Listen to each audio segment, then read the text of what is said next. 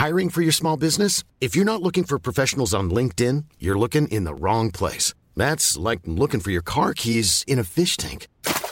LinkedIn helps you hire professionals you can't find anywhere else, even those who aren't actively searching for a new job but might be open to the perfect role. In a given month, over 70% of LinkedIn users don't even visit other leading job sites. So start looking in the right place. With LinkedIn, you can hire professionals like a professional. Post your free job on linkedin.com slash people today.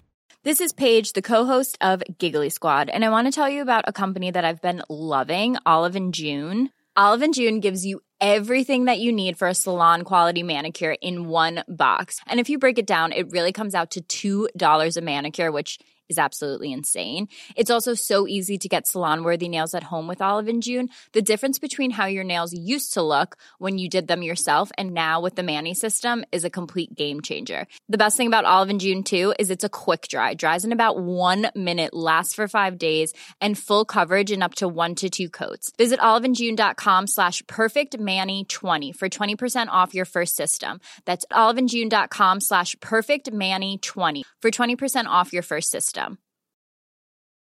Many of us have those stubborn pounds that seem impossible to lose, no matter how good we eat or how hard we work out. My solution is PlushCare. PlushCare is a leading telehealth provider with doctors who are there for you day and night to partner with you in your weight loss journey. They can prescribe FDA-approved weight loss medications like Wagovi and Zepbound for those who qualify. Plus, they accept most insurance plans. To get started, visit plushcare.com slash weight loss. That's plushcare.com slash weight loss.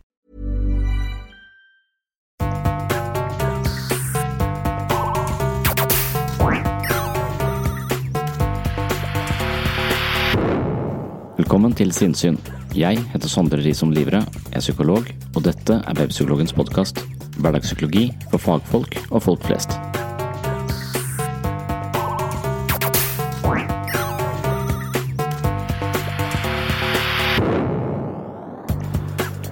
Dr. Phil sier annet at vinnere gjør det tapere ikke tør. Han er direkte, brutalt ærlig, og han har en helt klar terapeutisk filosofi. Hva slags psykologi formidler egentlig denne TV-kjendisen? I dagens episode skal jeg begynne å snakke om dr. Philip McGraw. Han er en slags popstjernepsykiater som gjør sine terapeutiske gjerninger i beste sendetid. Starten på episoden blir en gjennomgang av hans mest solgte selvhjelpsbok, som heter Life Strategies. Dr. Phil tilhører den kognitive skolen innenfor psykologi og psykoterapi. Det vil si at han vektlegger tankene og deres makt i vårt psykologiske liv. Kort sagt er det måten vi tenker på som styrer følelsene, holdningene og handlingene våre. Hvis du vil endre livet ditt, må du endre tankemønstrene dine. Han har også røtter i atferdsterapien som hevder at de som vil forandre livet, må handle annerledes. Dette blir også tema i andre del av episoden. Da skal jeg snakke litt mer generelt om behaviorisme, atferdsterapi og det som blir opptakten til kognitiv psykologi. Jeg kommer også til å snakke litt om kulturpsykologi, og dermed blir dette en episode hvor jeg springer litt hit og dit. I andre del spiller jeg av et foredrag, mens i første del skal jeg gjengi min oppsummering av boken til dr. Phil. Let me tell you something. Once I get involved, throw a fit, you can be a smooth running bitch, you can tell people to go jump in lake, you can do whatever you want. But I'm like a dog with a bone. What does that mean? And I will do whatever it takes to help you save your life. I'm telling you, I'm here. I won't go away. Go, go. You have no idea what a hard-headed, stubborn old country boy I am. And you know, you can get pissed off and go out the door. You know what I'll do if you leave? I can't make you stay here. We'll bust your ass and put you in the penitentiary. Fucking thing sucks! Philip McGraw har altså skrevet en selvhjelpsbok som ikke ligner alle andre. Boken heter Life Strategies – Doing What Works, Doing What Matters. I selvhjelpsbøker forventer man ofte en litt mild og oppmuntrende tone, mens McRaw baserer seg på brutal ærlighet. Han er rett frem og realistisk, ifølge ham selv. Vi har sett ham på TV som Dr. Phil, og vi kjenner han kanskje som både flink og underholdende. Men hans usminkede væremåte får stadig nye deltakere til å gråte, og kanskje er det en del av hans metode. I første del av denne episoden skal vi se litt overordnet på hva Dr. Phil forteller oss. Hva er hans filosofi, og hvordan forstår han menneskets mulighet for vekst og forandring? Hva er egentlig Dr. Phils psykologi? McRaw poengterer blant annet at mennesker med suksess er de som kan spillets regler og har en plan. Han sier at de vinnere er de som gjør det tapere ikke tør å gjøre. Allerede her er språkbruken ganske ladet, og det kan virke som om det er hensikten til McRaw. Han vil kaste livets realiteter i ansiktet på leseren, og hans motiv er å få oss til å ta det fulle og hele ansvaret for livet vårt. Først da er du fri. Heldigvis følger McRaw opp med en oppskrift på hvordan vi kan nå et slikt mål. Boken er sentrert rundt det forfatteren kaller livets lover. For å leve fullt og helt, nå våre mål og utvikle oss selv, er vi nødt til å akseptere lovene, forholde oss til dem og ta de nødvendige følgene. McRaw poengterer at det ikke spiller noen rolle om vi liker eller ikke liker disse lovene. Vi kan mene at de er urettferdige, at de ikke bør eksistere, men det gjør ingen forskjell. Akkurat som gravitasjonslovene, så er det bare sånn. Hvis du ikke forstår hvordan dine handlinger, tanker og følelser fører til ulike resultater, og hvis du ikke har en plan for ditt eget liv, så er du ikke engang med i kappløpet med de som har disse basale evnene og strategien i orden. En viktig del av en god plan handler om å forstå hvordan systemet fungerer. Det vil si at man må gå på livets skole og lære seg en del grunnleggende ting om menneskets natur hvis man skal nå sine mål. McRaw følger her opp med en liste på ti viktige aspekter ved hvordan mennesker tenker og handler. Det første punktet sier at den aller største frykten hos de fleste mennesker er frykten for å bli avvist. Deretter sier McRaw at menneskets mest presserende behov handler om å bli akseptert. Du er ansvarlig for ditt liv. Hvis du har en jobb du ikke liker, er det din feil. Hvis du er i et dårlig forhold, er det du som en gang gikk inn i denne relasjonen. Hvis du ikke stoler på personer av motsatt kjønn, kanskje fordi de ble misbrukt som barn, er det fortsatt du som ikke stoler på. Beskjeden er tydelig hos McRaw. Du må slutte å være et offer. Du må begynne å ta fullstendig ansvar for alle resultater og situasjoner i ditt eget liv. I dette sitatet er han på sitt skarpeste.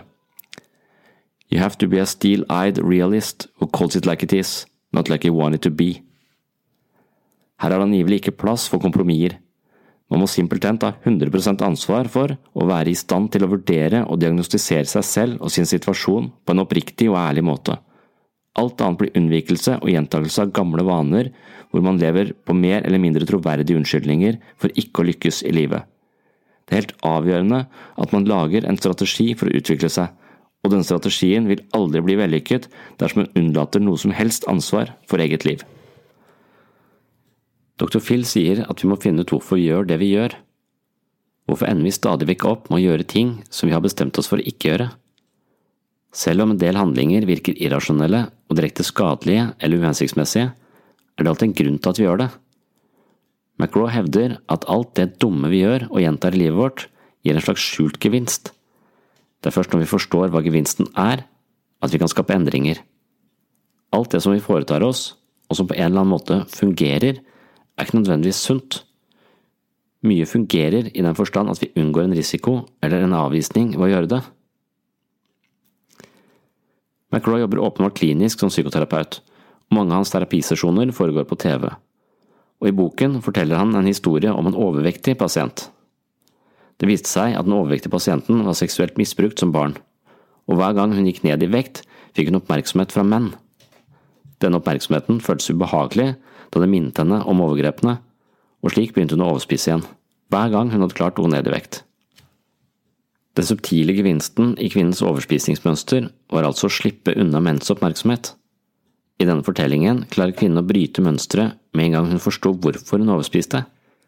Hun klarte å identifisere den skjulte gevinsten ved eget mønster, og dermed kunne hun endre seg. Jeg har ikke sett så mange episoder av Dr. Phil på TV, men jeg må si at jeg syns boka hans var ok. Jeg har nok en del fordommer mot denne mannen, men man skal ikke huske uen på hårene. Det var uansett en kort oppsummering av det jeg fikk ut av eh, Life Strategies, og mye av boken var basert på kjente terapeutiske teknikker. Nå går vi over i andre del, som sannsynligvis inneholder en del repetisjon, men forhåpentligvis også noen nye tanker og innspill. Det er avslutningen på et foredrag jeg holdt i april 2018.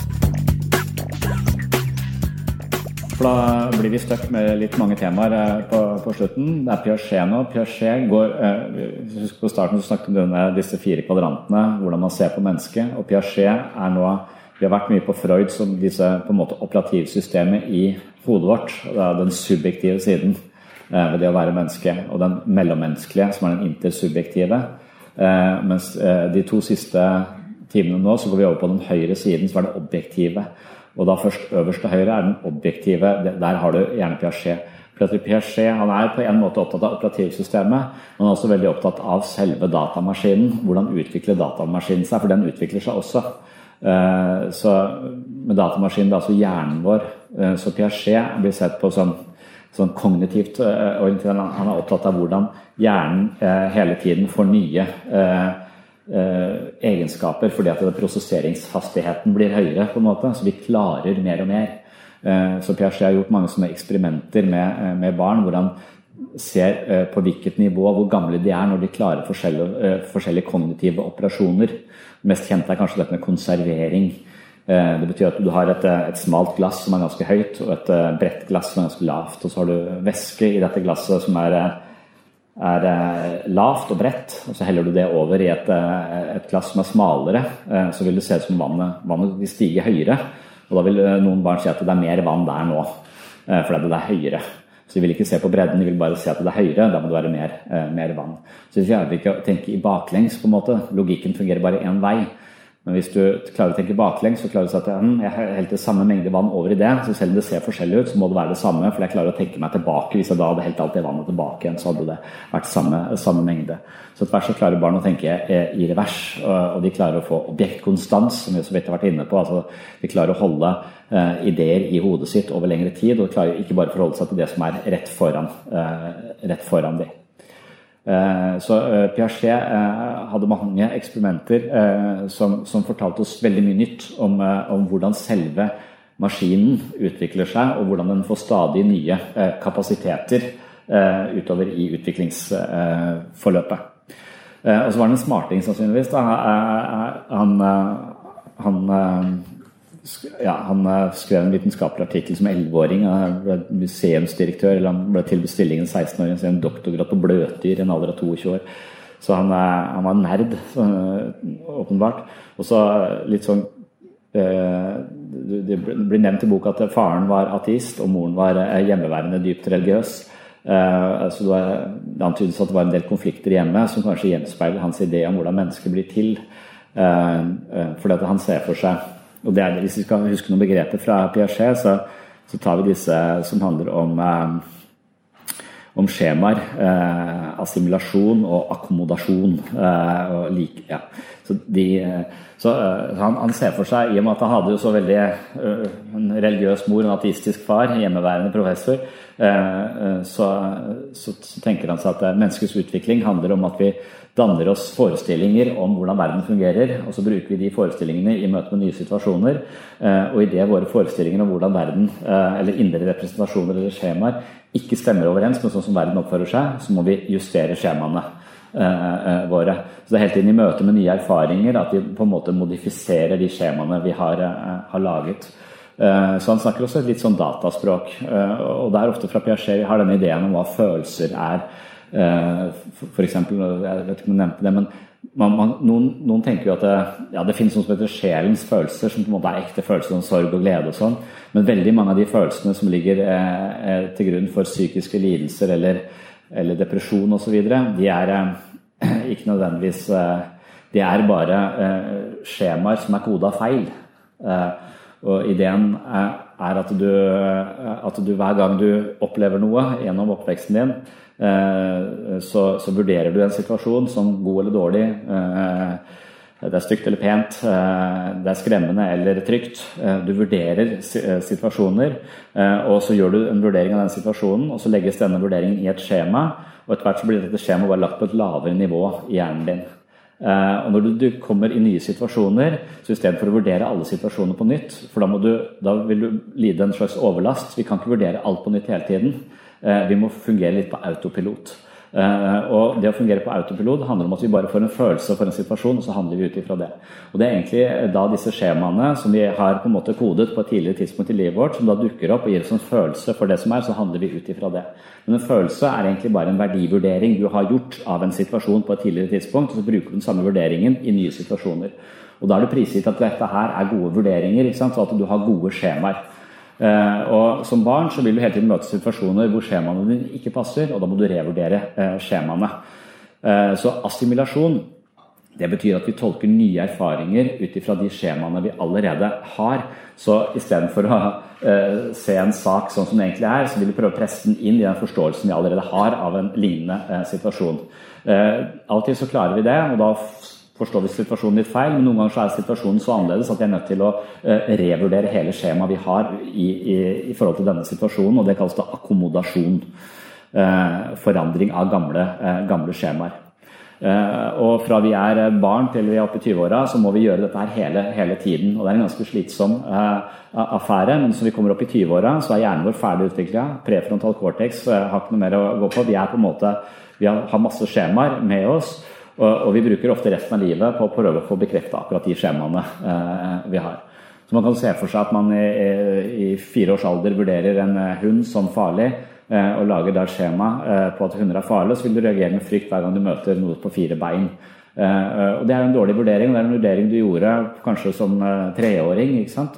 Men så lenge du bare går rundt med det skjemaet, så vil du reagere med frykt i møte med hunder. Vel vitende om at hunder generelt sett ikke er farlig, men det vet du jo ikke. Selv om fornuften din vet det, så blir den skrudd av med en gang du møter den hunden, for da disse skjemaene, skjemaene overtar. Hvis du har gode skjemaer, så kan du bare fortsette å leve med de eh, skjemaene. Men med en gang du, du har skjemaer eh, som koder situasjoner med for mye frykt, eller eh, eh koder deg selv som eh, mindre verdt enn andre, og det er kanskje det viktigste skjemaet du har, er dette selvfølelsesskjemaet ditt. Hvordan har du lært å tenke om deg selv? Eh, hvordan har du via dine omsorgspersoner lært å kode din egen verdi som menneske? Og Det er også det jeg har sett på flere ganger. Hvis du f.eks. har lært å kode din egen verdi som menneske som høy hvis du presterer bra, mens lav hvis du presterer dårlig, så, så vil du være avhengig av dine egne prestasjoner for å føle deg bra som menneske. Og da er du på en kjempeslitsom eh, berg-og-dal-bane i, i, livet ditt. Du bør ikke forveksle din egen verdi som menneske med dine karakterer på skolen. Eh, for det er eh, for det første feil. Eh, og for andre så blir det kjempeslitsomt, og så, og så blir livet en eh, slags kamp om å prestere eh, hele tiden. Og det er vel det de fleste av oss gjør. Vi, vi assosierer vår egen verdi som menneske. Ikke for det, ikke, det på en måte vi, vi hekter opp til noe som vi kan miste. Så vi hekter kanskje opp til at vi har mange venner, eller har mange likes, eller at vi har en fin karriere. Hver gang du legger din egen verdi som menneske i noe utenforliggende, så risikerer du å miste det. Og det du mister det, så mister du også din verdi som menneske. Så din egen verdi som menneske bør være uavhengig av, eh, av utenforliggende ting. Eh, for da er du selvforsynt, eh, og, da på en måte kan du hvile i deg selv på tvers av Da vil du stå tryggere i situasjoner hvor du mister det du har. Eh, som er viktig for din egen selvfølelse. Så, så, det å være avhengig av noe utenfor seg selv for å ha verdi eh, som menneske, er jo katastrofalt. Eh, det skjønner vi rent sånn teoretisk sett, men veldig få mennesker som faktisk etterlever det der. Selv om alle de store visdomstradisjonene har fortalt oss at vi er verdifulle fordi vi er mennesker, ikke fordi vi er vi, hva vi eier eller hva vi klarer osv. Så, videre. så religion har mast om det i tusenvis av år. Vi har ikke skjønt det enda, så vi fortsetter den kampen der som er slitsomt. Uh, ja. Men uh, Piaget uh, mener da at vi består av en haug av skjemaer, og disse skjemaene dukker opp i situasjoner sånn at vi slipper å være bevisst. For det å være bevisst til stede er ganske krevende. Det å endre skjemaer er ganske krevende. Um, og, hvis du hele tiden går rundt og er bevisst alt mulig, så blir du også ganske treig. så amatører de går rundt og er bevisst hele tiden. Og Hvis du har dårlige skjemaer i forhold til hvordan du lever livet ditt, så må du gå tilbake for å være amatør. For du må være bevisst enhver situasjon igjen. Du kan ikke stole på din egen autopilot. Uh, og, og, det er da en ganske krevende jobb. Uh, hvis du ser for deg at du plutselig må begynne å tenke gjennom hvordan det var å sykle hvis du tenker ja, da høyrebein opp, venstrebein opp sånn. Med en gang du begynner å bli bevisst de tingene som egentlig skal gå på automatikk, så blir du vaklende og faller av, av sykkelen. Hvis du hele tiden går og er bevisst deg selv hvordan var det jeg skulle være i møte med andre, jeg skulle være sånn, jeg skulle være sånn, og hva syns de om meg nå? Hvis du hele tiden går og er bevisst sånne ting i møte med andre eh, mennesker, hvor du ikke stoler på din egen autopilot, så vil du også bli amatør. Du blir en sosial amatør, kan man si. Eh, så jo mer bevissthet eh, vi har, og usikkerhet vi har, uten at vi klarer å etablere nye skjemaer vi stoler på, eh, jo mer kronglete vil vi ha det i ulike eh, situasjoner. Men psykoterapi går jo nettopp eh, ut på å revurdere skjemaer som viser seg å ikke eh, sørge for at du har det greit nok i, livet ditt. Har du det greit nok, la skjemaene være. Eh, har du skjemaer som gjør at du får angst og depresjon i situasjoner det ikke er nødvendig, bli interessert i hvordan disse skjemaene er koda, og hvem som har koda de. For da er det mulig å, å Da må du selv du må forstå de, og så kan vi kode de på nytt. ja, så assimilasjon, da prøver vi bare å putte vår egen nye situasjoner inn i gamle bokser. Og hvis vi har da gamle, smale bokser, så vil vi ofte misforstå. Det er det vi gjør hvis vi har erfaring på at mennesker er ute etter noe, eller noe sånt, så blir vi kynikeren som hver gang vi møter nye mennesker, tenker at de har en annen skjult agenda fordi vi putter det i denne boksen hvor vi har alle andre nye mennesker vi har møtt, som på en måte potensielt skadelige for oss. Så møter vi mennesker med en sånn vegg av mur av mistillit, og så er vi skeptiske til alle, alle vi møter. Det motsatte av Solveig Kloppen. Hvis dere har hørt den siste podkasten, sånn er du med Hør på Solveig Kloppen. Fader, et menneske, altså. Helt utrolig. Hun har ingen nevrotisisme, hun har ingen negative tanker. Og så er hun helt i toppsjiktet på tillit, så hun stoler på alle mennesker. Hun tror alle vil henne vel. Og hun har aldri vært utsatt for noen metoo-greier i det hele tatt. Så Harald Eia, som driver den podkasten, er litt bekymra for henne. Heldigvis var han ikke så glad i å reise til utlandet, for da hadde hun sannsynlig blitt hun virker naivt åpen og, og, og, veldig trygg på seg selv. Ingen frykt. Og når du har ingen frykt og har tillit til alle mennesker, så burde du være ganske sårbar i verden. Men hun er ikke det. Hun har aldri vært utsatt for noe som helst. Så det må være en eller annen predator som har kommet til hennes vei på et eller annet tidspunkt, men jeg tror kanskje hun bare ikke merker det engang. Så, og så er hun ganske høy på selvmarkering, så hun setter sannsynligvis også grenser for seg selv. Så hun lever jo i en fantastisk verden hvor hun kan ha tillit til alle mennesker, og så er hun veldig åpen for følelser. Hun føler alle andre menneskers følelser. Hun er en sånn elv av følelser. Men så lenge du ikke har noen nevrotisisme i deg, så du tenker ikke negativt, så blir du bare denne elven av følelser. Du driver ikke og grubler på det på ettermiddagen, liksom. Så uh, hør, hør, på henne. Merkverdig sammensetning av, uh, av egenskaper. Så hun har da skjemaer sannsynligvis som Ja, jeg skulle ønske jeg hadde litt sånne, sånne skjemaer. Men veldig mange av de jeg møter, har motsatte skjemaer som tenker at folk er ute etter å lyve, ta meg eller manipulere. Så når de møter mye mennesker, så ser de de tegnene. Og med en gang de ser et eller annet som tyder på det, så putter de i en eller annen kategori, så stoler de ikke på den personen. Og så går de glipp av en hel haug av folk. og, og sånn, sånn, mister de kanskje mange av, av relasjonene i, i livet sitt.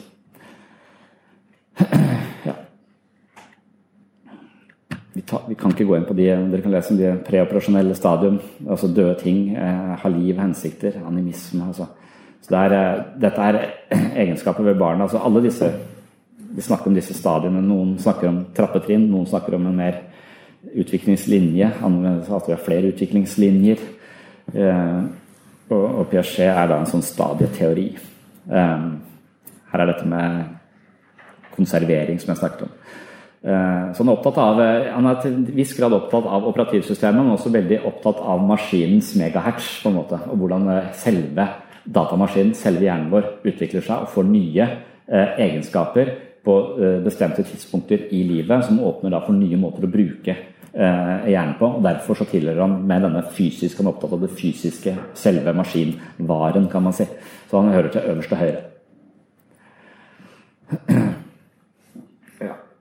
Kulturpsykologien, et kapittel om det også. Kultur det, det, sier seg selv, og det er bare en annen måte Det er bare et annet fokus. Så mens noen teorier vil si at det er mora og faren din som er avgjørende for hvordan du tenker om deg selv, eller jevnaldrende som går ut et tvillingsøkende selv som trenger å føle seg litt lik andre, er med på å skape programvaren i hodet ditt, så vil denne kulturpsykologien si at miljøet, kulturen din, vil også være veldig toneangivende for hvordan du ser verden. Eh, på en måte. Så, så, igjen, du ser ikke verden på noen objektiv måte, men du ser den eh, eh, på en måte i takt med sånn som kulturen din har lært deg å tolke omgivelsene dine. Så det er bare en annen måte å si ikke stol på deg selv, eller i hvert fall vit at du er en del, du er et produkt av din egen kultur. Enten du vil eller ikke, så har det influert på deg. Og der er det liksom sånn det er, kanskje det mest fascinerende, synes jeg, for å på en måte bli overbevist om at dette spiller en rolle, det er når du ser på disse studiene av sånne eh, visuelle illusjoner, eh, altså sånne tegninger som lurer oss til å se noe som egentlig ikke er der. Blant annet så er det to piler eh, som er like lange. Men pga. at eh, enden på pilene er formet forskjellig, så vil vi i Vesten åpenbart se at den ene pilen er kortere enn den andre. Men hvis vi klipper de ut og legger de oppå hverandre, så ser vi at de pilene er like lange, men vi blir lurt til å tro at den ene pilen er mye lenger enn den andre pilen. Og det vil alle vi som bor eh, i sånne institusjoner som er firkanta, vi vil oppleve denne illusjonen. Synet vårt vi blir lurt. Hvis du utsetter folk som bor i bushen for det samme greiene, som ikke har alle disse firkantene rundt seg der de lever, de lever i skogen, eh, så vil de med en gang si de er like lange. vil De si. De vil aldri svare at det ene er lengre enn det andre. Så de vil ikke gå på denne visuelle illusjonen. Så selv måten vi ser verden på, er altså forma av det miljøet vi lever i. Eh, og da er vi nede til, eh, til høyre i denne kvadranten, altså det interobjektive. Det er altså hvordan kulturen og omgivelsene våre også er med på å påvirke oss i stor grad rent faktisk hvordan vi ser verden, men selvfølgelig også hvordan vi oppfatter uh, verden. Så, så sånn kulturpsykologi, den, den, vil jo ha fokus på, på, ideologier og ting som på en måte er en del av samfunnet vårt, som vil infiltrere måten vi tenker, tenker på. Men det kan også gå helt ned på familiekultur. Da. Og, og det kan virke som om Jeg tenker av og til på kultur som en magnet. Eh, så, så, hvis du lever i en kultur som er på et visst utviklingsnivå, så vil du som menneske bli født inn i denne kulturen, og så vil du på en måte bli dratt opp til det nivået som kulturen din er på. Så det som er å bli menneske, det som er å utvikle seg, handler om å på en måte tenke litt likt som naboen. Så når du er oppe i 20-åra, så har du blitt litt lik som, uh, som naboen. Du tenker litt likt. Uh, og det er en slags gratis Både her er jo Piaget påpeker at biologien vår vil bare kaste oss inn i det ene utviklingstrinnet etter det andre. Vi har ikke noe valg. Eh, han vil også si at du møter situasjoner hvor du må revurdere måten å tenke på hele tiden. Og dette har du ikke noe valg, for du utvikler deg så mye fra du, fra du blir født til det oppe i 20-åra. De sier at mot, eh, opp mot 25 år så er prefrontal cortex ferdig å utvikle. Så du er ikke, biologien vil på en måte hjelpe deg gjennom dette her fram til du er 25. Eh, og, og Freud påpeker at det, gjennom hele denne prosessen så kan det være masse konflikter som oppstår, som du løser på en mer eller mindre god måte. Løser du alle konfliktene på en dårlig måte, så vil det også påvirke hele, eh, hele operativsystemet ditt. Hele måten du tenker og føler om deg selv, alle nevrosene du eventuelt vil, eh, vil utvikle. Så det kan skje mye faenskap eh, på veien, men en god utvikling vil altså Du vil få mye hjelp her sånn. Når du er oppe i, i 20-åra, så, så, vil utviklingen på det settet stagnere. Og det er forskning som sier at vi utvikler oss frem til vi er nettopp 25, og så stopper det. Og så skjer det et eller annet når vi er 50 igjen. Eh, så én ting er at vi har ikke noe mer gratis. Eh, vi blir litt sånn som kulturen. Skolevesenet er jo en del av kulturen som på en måte lærer oss hvordan vi skal tenke om ting opp til eh, vi er ferdig på skolen, opp i 20-åra. Biologien drar oss opp hit. Kulturen drar oss opp hit. Fungerer som en magnet som drar oss opp til der kulturen vår er. Eh, og så, Men hvis du da skal utvikle deg videre, hvis du da lever i en kultur som ikke på en måte er optimal, så vil kulturen fungere som en motmagnet og dra deg tilbake igjen eh, til sånn kulturen vil at det skal være. Så det å vokse forbi sin egen kultur, eller vokse forbi sine egne foreldre eller sin egen familie, det er ekstremt vanskelig. Og Det er også der vi jobber i psykisk helse, for, mennesker som har vokst opp i familiekulturer som på en måte er destruktive. Og det å vokse forbi de, det kan de godt gjøre når de er inne hos oss og de snakker og de er i gruppeterapi osv. Men så fort de kommer tilbake, så er det sterke krefter i miljøet som trekker de tilbake til de samme, til de samme mønstrene. Når helgen var hjemme hos foreldrene mine, eh, og det tar ikke så fryktelig lang tid før jeg begynner å bli den slabbedasken jeg var på videregående. Eh, så jeg kan ikke være der mer enn en helg. For da begynner, jeg, så begynner hun å oppføre seg sånn som hun oppførte seg. Hun var veldig grei og vasker tøy og alt mulig sånt. Eh, men jeg blir en sånn latsabb på en måte. Jeg mister jo meg, så jeg går tilbake til de gamle, gamle mønstrene. Så, så det er veldig sånn tydelig for meg at det miljøet som jeg var i, var i da, plutselig på en måte, jeg faller litt tilbake til det. Og så var jeg også da i et utdrikningslag hos en kamerat som liksom kjente fra videregående. og ikke så egentlig hadde så mye kontakt. Skjønner ikke helt hvorfor jeg vet i det bryllupet, egentlig. Eh, eh, men, men altså, da, da, ble jeg også Plutselig så var jeg litt tilbake til Jeg ble liksom fanget av det mønsteret å være på. Som om jeg ble litt den gamle varianten av meg selv. da. Eh, og, og, det er jo nå 20 år siden, liksom, så det er jo litt sånn snodig opplevelse. Eh, men jeg tror da at eh, kulturen på en måte løfter oss til et nivå, og hvis du skal vokse videre ut av det, så vil du ofte bli dratt tilbake igjen. Og Det er litt av det som gjør det vanskelig å, eh, å utvikle seg. Og veldig mange kommer fra, som jeg møter, kommer fra familiesystemet hvor det å uttrykke følelser eller det å ha vært litt sånn Ja, vi feier følelser under tepper. Vi lyver litt for å unngå at noen skal ta skade av det. Så vi er ikke oppriktige med hverandre. Vi går liksom på listesko. Vi kan ikke være helt åpne. Og når de da kommer til oss og øh, vi forteller at det å uttrykke seg og være mer direkte, og åpen og oppriktig er viktig for psykisk helse, så klarer de det der. Når de kommer hjem og gjør det, så sier folk rundt deg at faen, det er ikke rart at du går til psykolog, du har blitt klin gæren. Eh, eh, og, så på en måte får de masse beskjeder som på en måte sørger for at dette systemet har ikke bedt om forandring. Eh, du må innfinne deg i det systemet, og hvis du forandrer det, så får det ringvirkninger.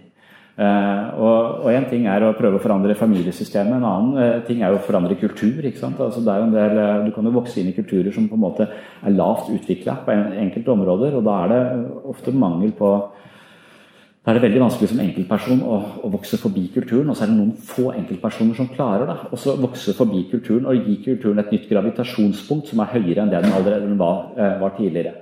Det er noen sånne revolusjonære mennesker som har klart å noen som Gandhi som, eh, og så videre, som klarer å løfte hele kulturen opp på et helt nytt nivå. Men det er jo eksepsjonelle eh, eh, mennesker.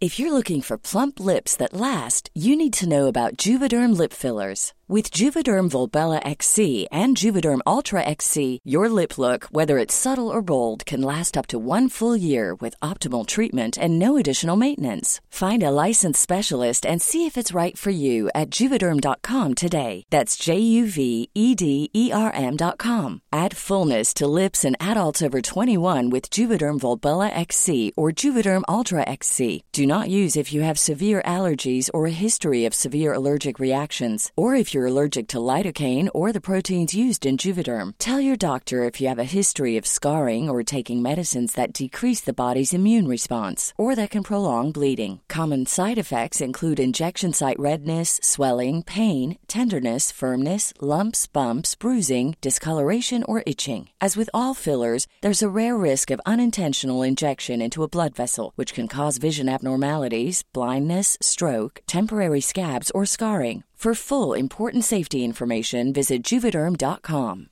This Mother's Day, celebrate the extraordinary women in your life with a heartfelt gift from Blue Nile. Whether it's for your mom, a mother figure, or yourself as a mom, find that perfect piece to express your love and appreciation. Explore Blue Nile's exquisite pearls and mesmerizing gemstones that she's sure to love. Enjoy fast shipping options like guaranteed free shipping and returns. Make this Mother's Day unforgettable with a piece from Blue Nile. Right now, get up to 50% off at BlueNile.com. That's BlueNile.com. Planning for your next trip? Elevate your travel style with Quince. Quince has all the jet setting essentials you'll want for your next getaway, like European linen, premium luggage options, buttery soft Italian leather bags, and so much more. And is all priced at 50 to 80% less than similar brands. Plus, Quince only works with factories that use safe and ethical manufacturing practices. Pack your bags with high-quality essentials you'll be wearing for vacations to come with Quince. Go to quince.com/pack for free shipping and 365-day returns. Ja. Mm.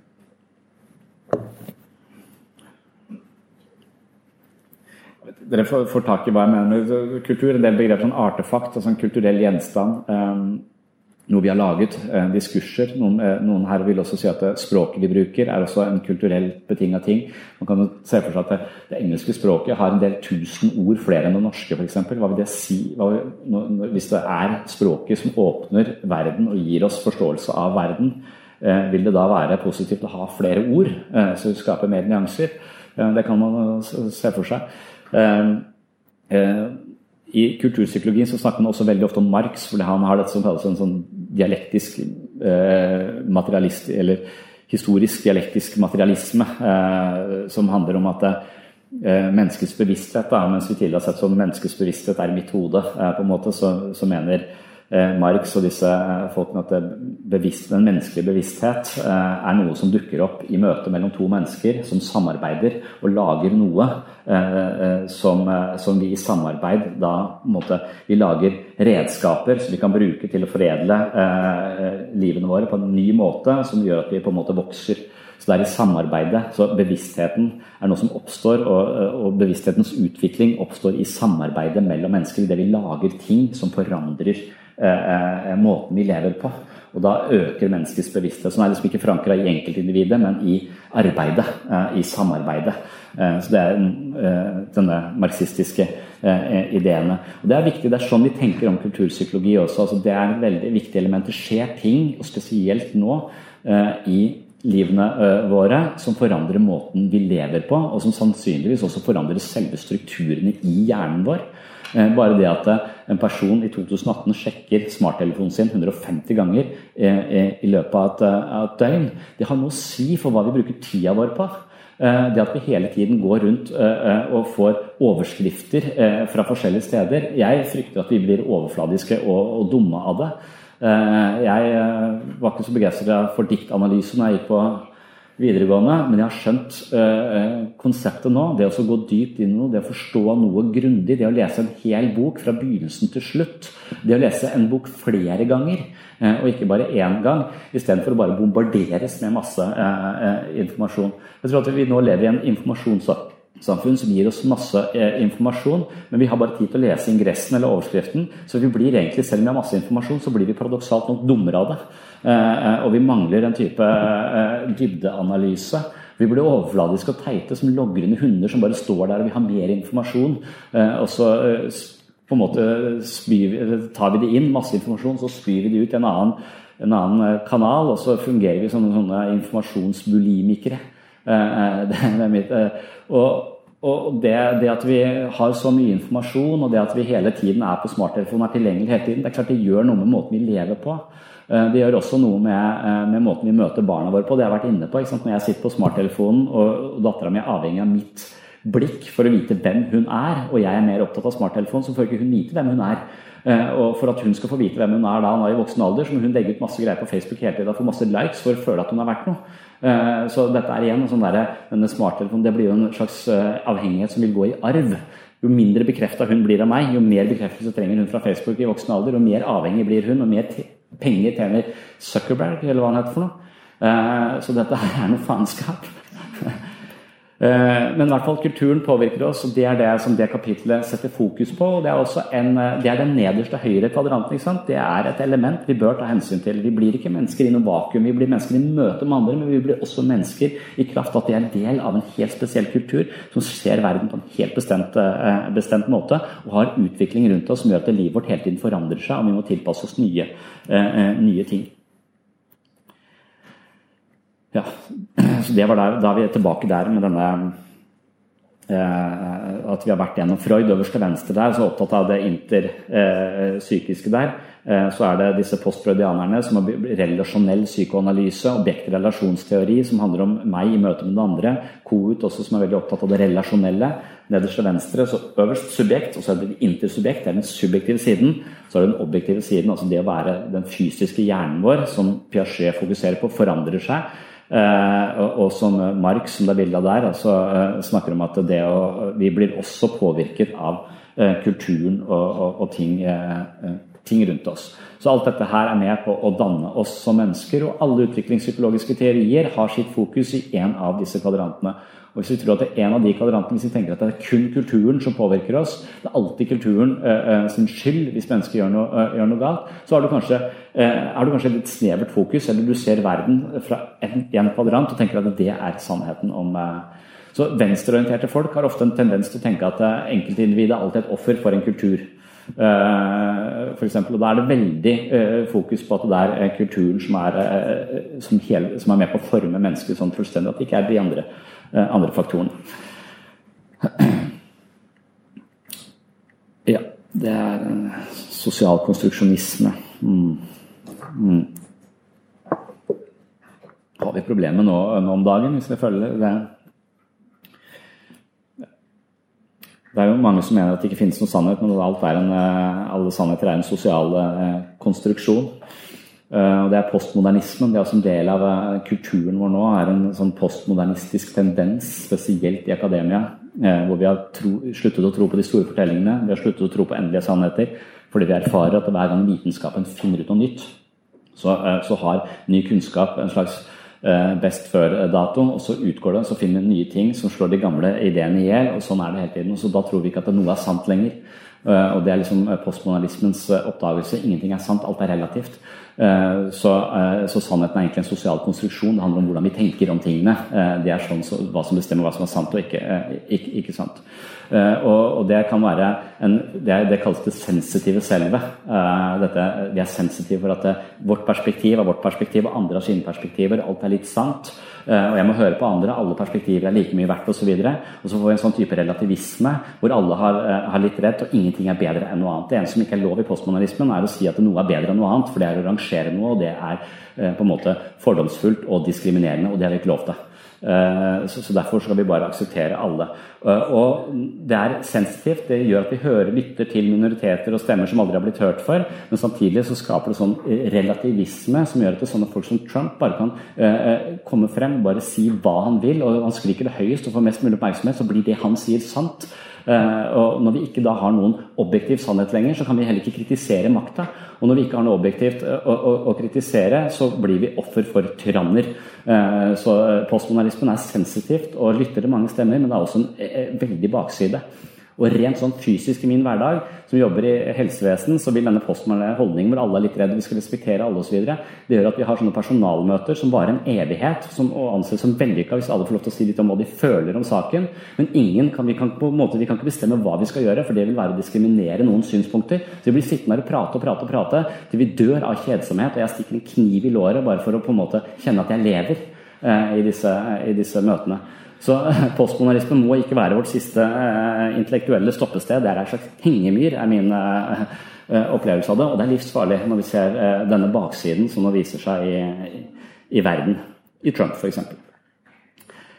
Så alle sånne ting kan man analysere ved hjelp av denne kulturpsykologien. Det er et spennende kapittel. Dere bør, bør sjekke det ut.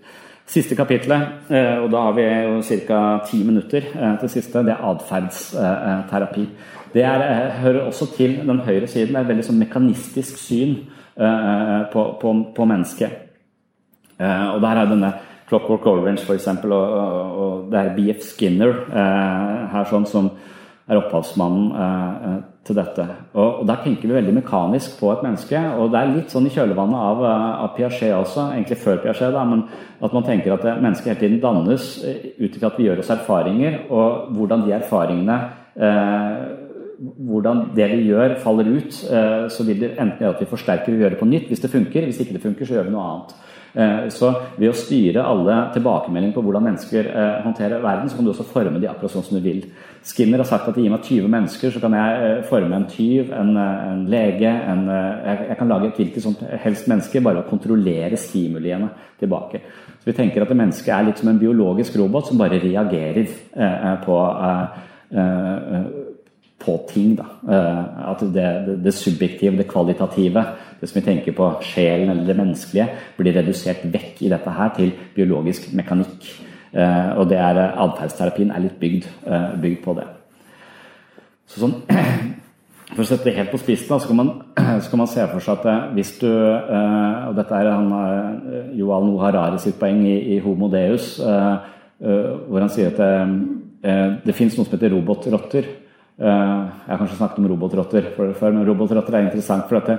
robotrotter de har man eh, putta på eh, noen sånne elektroder oppi hodet, sånn at de går inn og styrer hjernen til, til robotrottene. Så du kan styre rotta med en fjernkontroll. Så Hvis du vil at rotta skal gå til venstre, så går den til venstre, og så kan du kjøre den rundt. Og Det er lurt å kunne styre rotter på den måten, for da kan du kjøre de inn i rasområder og finne overlevende mennesker. Du kan styre de inn i områder hvor du kanskje har bomber, for de, kan, de lukter dynamitt. Så, så du, kan liksom, du, kan bruke de som sånne avanserte eh, radiostyrte biler. Eh, og du kan også få rottene til å gjøre ting som de normalt sett ikke gjør. F.eks. klatre opp og hoppe ned fra steder. Eh, rotter liker ikke å hoppe, men det kan du få disse eh, rottene til å gjøre fordi du har overstyrt hjernen eh, eh, dens. Og da kommer det sånne, sånne dyrevernere, og så blir de forbanna. For du sier at det der er dårlig gjort mot rotta. Og så sier de forskerne nei, nei, nei. Det er ikke dårlig gjort mot rotta. Disse rottene her, her, de har det helt fantastisk. Hver gang de gjør som vi sier, så gir de en dusj av masse nevrokjemi som gjør at de er i nirvana nesten hele tida. De har det helt fantastisk. Det er ingen andre rotter som har så mye lykkegreier eh, inni huset som disse rottene, så de har det helt, eh, helt fantastisk. Eh, dette her er lykkelige rotter. Og det er interessant å spørre de også, hvis, du, hvis de kunne snakke, da. Hvis du har hørt med rotta Hvorfor driver du hopper ned fra den stigen der, når du normalt sett, vi som rotter, ikke pleier å like det? Jo, men jeg gjør som jeg vil. Jeg liker å hoppe. Hvis rotta, rotta tror jo at rotta vil dette, for du styrer på en måte motivasjonen. Du styrer behov, Rotta har lyst til å gjøre det. Det er sånn de styrer eh, rotta. Så, så, i den grad da rotta opplever å faktisk handle fritt, uten å vite at det er styrt av en eller annen mann i hvit, eh, eh hvit frakk, så vil rotta føle at den gjør det, eh, gjør det den har lyst til. Og da, da, er jo et moralsk spørsmål er dette riktig, eh, på en måte. Eh, også det neste spørsmålet kan vi gjøre det med mennesker. Eh, og da sier eh, Harari blant annet ja, tennisgrad kan jo det allerede. Og denne teknologien vil bare bli bedre og bedre. Det vil si at du f.eks. kan gå inn i et menneske og eh, du kan aktivere en følelse av kjærlighet du kan aktivere en følelse av, eh, av eh, spiritualitet eller sånne eh, åndelige opplevelser. Du kan aktivere sinne, du kan aktivere, du kan aktivere frykt. Du kan aktivere menneskers følelser kunstig med, med sånne transkraniale hjelmer osv. Så, videre. så til en grad kan vi gå inn og styre følelsene våre og opplevelsene våre i forskjellige situasjoner. Eh, og Da kan man se for seg at fremtidens apotek vil da være utstyrt med sånne hjelmer, hvor du kan kjøpe på en måte en programvare for 599 med gratis oppdateringer, hvor det du får lyst til når du kommer hjem fra jobb, er å klippe plenen. Eh, det er det eneste du har til. bare yes, jeg gleder meg til å komme, jeg skal klippe plenen, og så skal jeg leke med barna helt til sola går ned. Og jeg elsker å leke med barna. Jeg har så mye tålmodighet at jeg, uh, ja, og så, så du, du, får bare lyst til, istedenfor å få lyst til på sjokolade og se på Netflix, så får du lyst på brokkoli, og du får lyst til å jogge. Uh, og, og, da har du på en måte Men det er det du har lyst til, og du gjør det du har lyst til. Og da er spørsmålet, Spiller det da noen rolle at det er en eller annen programvare inni hodet som styrer dette her og stimulerer den lysten fremfor lysten på sjokolade, som er en ræva algoritme vi har med oss fra vi tilgjengeligheten til sukker ikke var så stor. Så det å få sukker det var higer for, eh, for, det det var mangelvare før. Nå er akkurat denne algoritmen som gjør at vi higer etter sukker, den er jo helt på trynet, for vi har altfor mye sukker. Så vi overspiser jo på det. Det er en ræva algoritme vi har, eh, og som gir oss livsstilssykdommer. Og hvis du da har en hjelm som bare kan overkjøre dette her, er ikke det en god ting? Så da kan alle gå rundt med sånne hjelmer og oppføre seg som supermennesker, og det er det de har lyst til. Og jeg har, jeg har, lyst på sånn hjelm, men jeg har ikke lyst til at alle andre skal ha det. For da føler jeg ikke det blir noe gøy. Jeg synes det er gøy når, egentlig litt gøy når jeg driter meg ut, og når andre folk driter. Det er det som gjør livet litt verdt å leve, syns jeg. Uh, så jeg føler at det kan bli litt kjedelig hvis alle driver og jogger. Jeg liker jo ikke folk som jogger. Jeg jeg, I hvert fall ikke som jogger hele tida opptatt av sunn mat og kost og sånn. Ah. Så, uh, men men, men, la oss si at det går, så vil dette være i denne tradisjonen atferdsterapi. Vi kan styre menneskets atferd ved å stimulere dem på bestemte, eh, bestemte måter. Og der er Pavlos hunder og sånn som syklet, og så, hvordan man kan eh, regulere. Og han der fyren der, det er jo Clockwork Orange, jeg vet ikke om det er en gammel referanse, men han en god film eh, fra Stanley Kubrick, eh, ganske gammel. Men det er Alex, og han, det eneste han har lyst til, det er å voldta folk og banke de opp. Eh, og så er han opptatt av eh, Beethovens 10. symfoni. Så dette er en alvorlig kriminell person som har en gjeng som drikker melk på Carova Milk Bar og, og, snakker som halvrussisk. en litt merkelig film, men, men, han går rundt da gjør faenskap og, og, plager folk. Og, men eh, så har de utviklet en ny behandlingsmetode, så når han blir satt i fengsel, så har han da tilbud om denne nye behandlingsmetoden, som handler om at han sitter i en sånn sal som dere gjør nå, og så har han en skjerm der oppe sånn som dere ser på, og så er den skjermen full av vold og uh, det han kaller ultraviolence, voldtekter osv. Så, videre. så han blir utsatt for masse dette. De holder øynene hans åpne, og så initierer de en, et stoff i kroppen hans som gjør at han blir kvalm. Så Hver gang han ser vold og faenskap på den skjermen, så reagerer han med kvalme. Så han lærer hjernen da til å assosiere vold uh, og voldtekter med kvalme. Så hver gang han da kommer ut og skal til å gjøre det han pleier å gjøre, altså slå ned folk, uh, så blir han kvalm, brekker seg. Så den atferden dør da ut. Så han slutter å, å, å, plage folk fordi han da er på en måte reprogrammert på denne veldig mekaniske måten. Og det rare med den filmen der er at jeg For meg så virker det feil. Jeg heier på voldtektsforbrytere. Du kan ikke gjøre det med han. Det er det han liker. Han liker jo voldtekt. kan ikke drive og omprogrammere han. Det virker helt feil, da. Så jeg får, jeg får på en måte medfølelse med voldtektsforbryteren. Det, liksom, så det, det, sier et eller annet om at det er noe i dette menneskesynet som skurrer litt, i hvert fall uh, for meg. Men jeg kan ikke alltid pinpointe akkurat hva det er. For det virker som om at han der er en bedre person for uh, samfunnet når han går ut og ikke slår ned, uh, slår ned folk. Det triste er at når de viste han all denne ultravolden og på en måte desensifiserte han for akkurat det, så spilte de også Beethovens 9. symfoni, som var det eneste positive i livet hans. Det var, det var 9. symfonien, så den hadde de da på høyttaleranlegget. Det visste ikke de, men det gjorde også at han blir da kvalm hver gang han hører Beethovens 9. symfoni, som var det eneste positive i hans liv. Så, så han, han, blir jo en, en, skygge av seg selv. da. Uh, og ja, og det, det setter denne atferdsterapien litt sånn på kornet. Eh, kan vi nå styre mennesker som om de var eh, maskiner, eller er det å være et eh, menneske noe litt annet?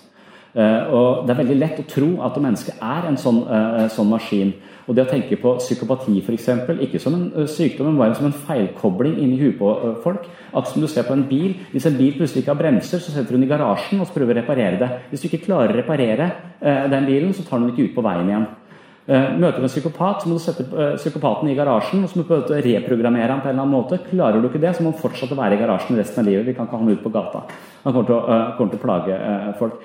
Men det å sette ham inne i fengsel, det handler ikke om at vi tenker at vi skal straffe ham, det har du godt av. Det handler bare om at dette er en feilprogrammert biologisk robot. Så vi kan ikke føle noe, noe, noe, noe sinne overfor ham. Han er bare feilprogrammert. Så de menneskene som tenker sånn, de kan heller ikke tenke så mye sånn godt og ondt. Det handler bare om praktiske ting. Det er, vanskelig da å hate Breivik. Han er bare feilprogrammert. Hvis vi klarer å reprogrammere, så kan han sitte der inne eh, resten, eh, resten av livet. Eh, dette menneskesynet er det noen som har. Det vil kalle da sånn, Det er reduksjonisme oppi det høyre hjørnet. Det er å se på mennesket kun som biologi og ikke som, som noe mer. Uh, og Hvis du leser mye i den retningen, og det, det syns jeg er litt skremmende, og derfor jeg messer om disse kvadrantene, at hver gang jeg leser mye litteratur som har et eller annet av disse fokusene, så begynner jeg litt å tro på det. Jeg tenker at ja, det er jo sant. En sånn hjelm trenger vi. En sånn program, det er ikke noe, så jeg, så jeg klarer ikke helt å se ulempene. Jeg bare tenker ja. Så jeg blir litt, Det er lett å bli reduksjonistisk, og så, da må jeg alltid lese litteratur fra en annen kvadrant, sånn at jeg får et litt større, uh, større bilde. Så det er lett for oss å, å, på en måte tro på de forklaringene vi får ut ifra de forskjellige eh, kvadrantene. Men hvis dere klarer å gjenkjenne teorier, ideer om hvordan mennesket fungerer, som ett perspektiv av flere mulige perspektiver på hvordan det er å være menneske, så vil dere gjøre det ganske bra på, eh, på, eksamen. Det handler om å ha et metaperspektiv, forstå at ulike teorier, alltid reduserer det de prater om, for å på en måte ikke ta inn over seg alt. For den teori må være litt mindre enn terrenget. Et kart kan ikke være like stort som terrenget, men man må redusere bort noe. Og det er det som skjer i enhver teori, men da må du ofte supplere med flere teorier for å få et helhetlig bilde av hva det vil si å være menneske. Og spesielt i forhold til psykisk helse, for det psykisk helse drar veksel på alle de Eh, på en måte vitenskapen vi har. Det er humanvitenskap, det er samfunnsvitenskap og naturvitenskap. Tre forskjellige kvadranter, fire sånn som jeg har tegna det opp, eh, eh, som sier noe om hva det vil si å være mennesker. Og de, Alle kapitlene i boka har, er hentet fra ett av disse perspektivene. Hvis dere klarer å se det, abstrahere og se disse forskjellige tingene, så vil den innsikten der gjøre at dere ikke går i disse trangsynte fellene når man skal prøve å forstå mennesker og seg selv. Hvis dere vil ha repetisjon, gå inn på webpsykologen.no. Følg gjerne podkasten Sinnsyn på iTunes. Eh, hvis dere gir den stjerner, bare gi den fem stjerner. Får jeg, får jeg færre stjerner, så går det ut selvfølelsen min. Og jeg har bundet min selvfølelse opp til hvor mange stjerner jeg får på, på iTunes. Så derfor så mister jeg verdi som menneske hvis den får få stjerner. Så det kan vi ikke ha noe av. Eh, eh, så jeg lever ikke min egen filosofi akkurat på det området, området der. Men eh, hvis dere trenger repetisjon, så har jeg liksom lagt ut alle disse forelesningene både som podkaster og som videoer på Webpsykologen. Så Nora, lykke til videre.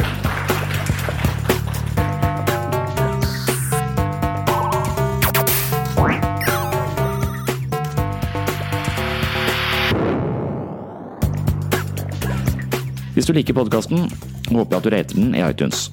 Det er bl.a. tilbakemeldinger i iTunes som sørger for at sinnssyn blir sett og plukket opp av flere folk. Målet vårt er å spre kunnskap og interesse for menneskets indre liv i et filosofisk eller psykologisk perspektiv til så mange som mulig. Du kan hjelpe oss ved å anbefale podden til folk du kjenner, dele den i sosiale medier, eller gi den stjerner og kommentarer i iTunes. Alle monner drar, og tusen hjertelig takk til alle dere som allerede har gjort dette. Det varmer å lese de særdeles positive innspillene i kommentarfeltene på iTunes. Ellers nevner jeg til det kjedsommelige at jeg har tre bøker for salg på webpsykologen.no. To av bøkene handler om selvfølelse, selvbilde og perspektivet på selvutvikling, mens min nyeste bok, Psykologens journal, handler om de store spørsmålene i livet. Boken handler om mitt møte med religion. Jeg er ikke religiøs, men jeg liker å snakke med folk som mener noe annet enn meg selv. Jeg tror at meningsforskjeller kan ta oss dypere inn i vanskelige spørsmål. I Psykologens journal forsøker jeg å nærme meg døden, meningen med livet, fordeler og ulemper ved mytologi og religion, samt en rekke andre temaer som spiller på våre mest grunnleggende eksistensielle vilkår. Kjøper du bøkene fra webpsykologen.no, får du dem til best pris, med gratis frakt og rask levering. Det var alt for i dag, og på gjenhør i neste episode.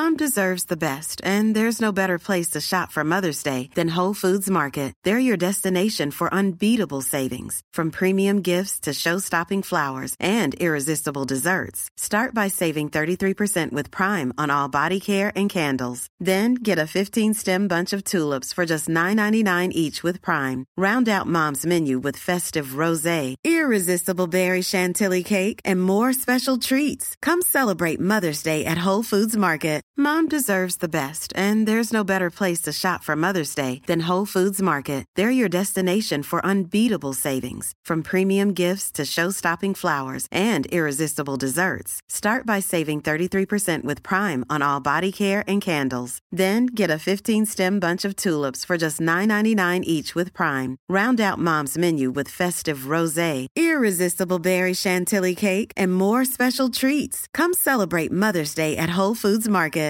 Imagine the softest sheets you've ever felt. Now imagine them getting even softer over time. That's what you'll feel with Bowl and Branch's organic cotton sheets. In a recent customer survey, 96% replied that Bowl and Branch sheets get softer with every wash. Start getting your best night's sleep in these sheets that get softer and softer for years to come. Try their sheets with a 30-night guarantee. Plus, get 15% off your first order at bowlandbranch.com. Code BUTTERY. Exclusions apply. See site for details.